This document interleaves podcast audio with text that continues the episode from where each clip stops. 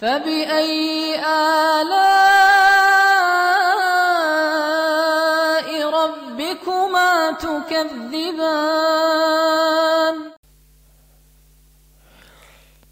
Kami seorang suami yang pagi hari hingga sore keluar mencari nafkah bagi keluarga atau istri. Dan setelah mencari nafkah, kami ikut kajian rutin yang biasa beredar di kota ini. Dan istri pun mengeluh dikarenakan kurangnya kebersamaan waktu. karena kami hanya bisa bertemu pada malam harinya. Bagaimana apa sikap yang harus kita lakukan? Ya, kalau dia ingin mengurangi, dia kurangi di kerjanya, jangan dia kurangi di taklimnya. Jelas ya? Terus yang kedua, ya istri itu jangan hanya dibiarkan begitu saja tanpa diberi motivasi, diberi pegangan-pegangan, diberi kalimat-kalimat yang bagus. Jelas ya?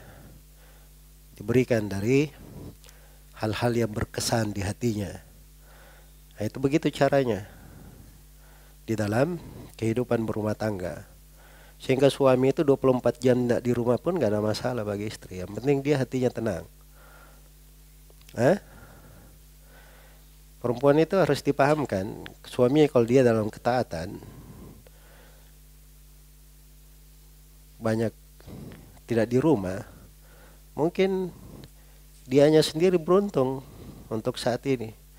Kalau dibandingkan dengan Nabi dan para sahabat, mereka lebih banyak di luar rumah, kadang melakukan perjalanan bukan berhari-hari. Bukan apa namanya cuman beberapa jam, tapi kadang berhari-hari ber, berminggu-minggu. Jelas ya?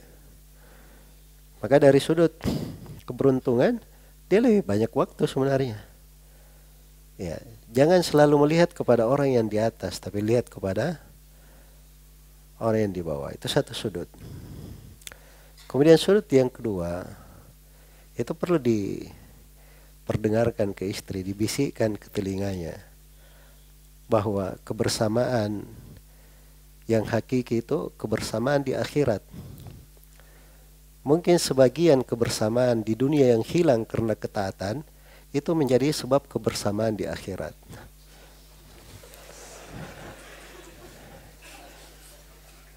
Jelas ya? Ya, baik. Tapi tidak usah bilang-bilang itu dari saya.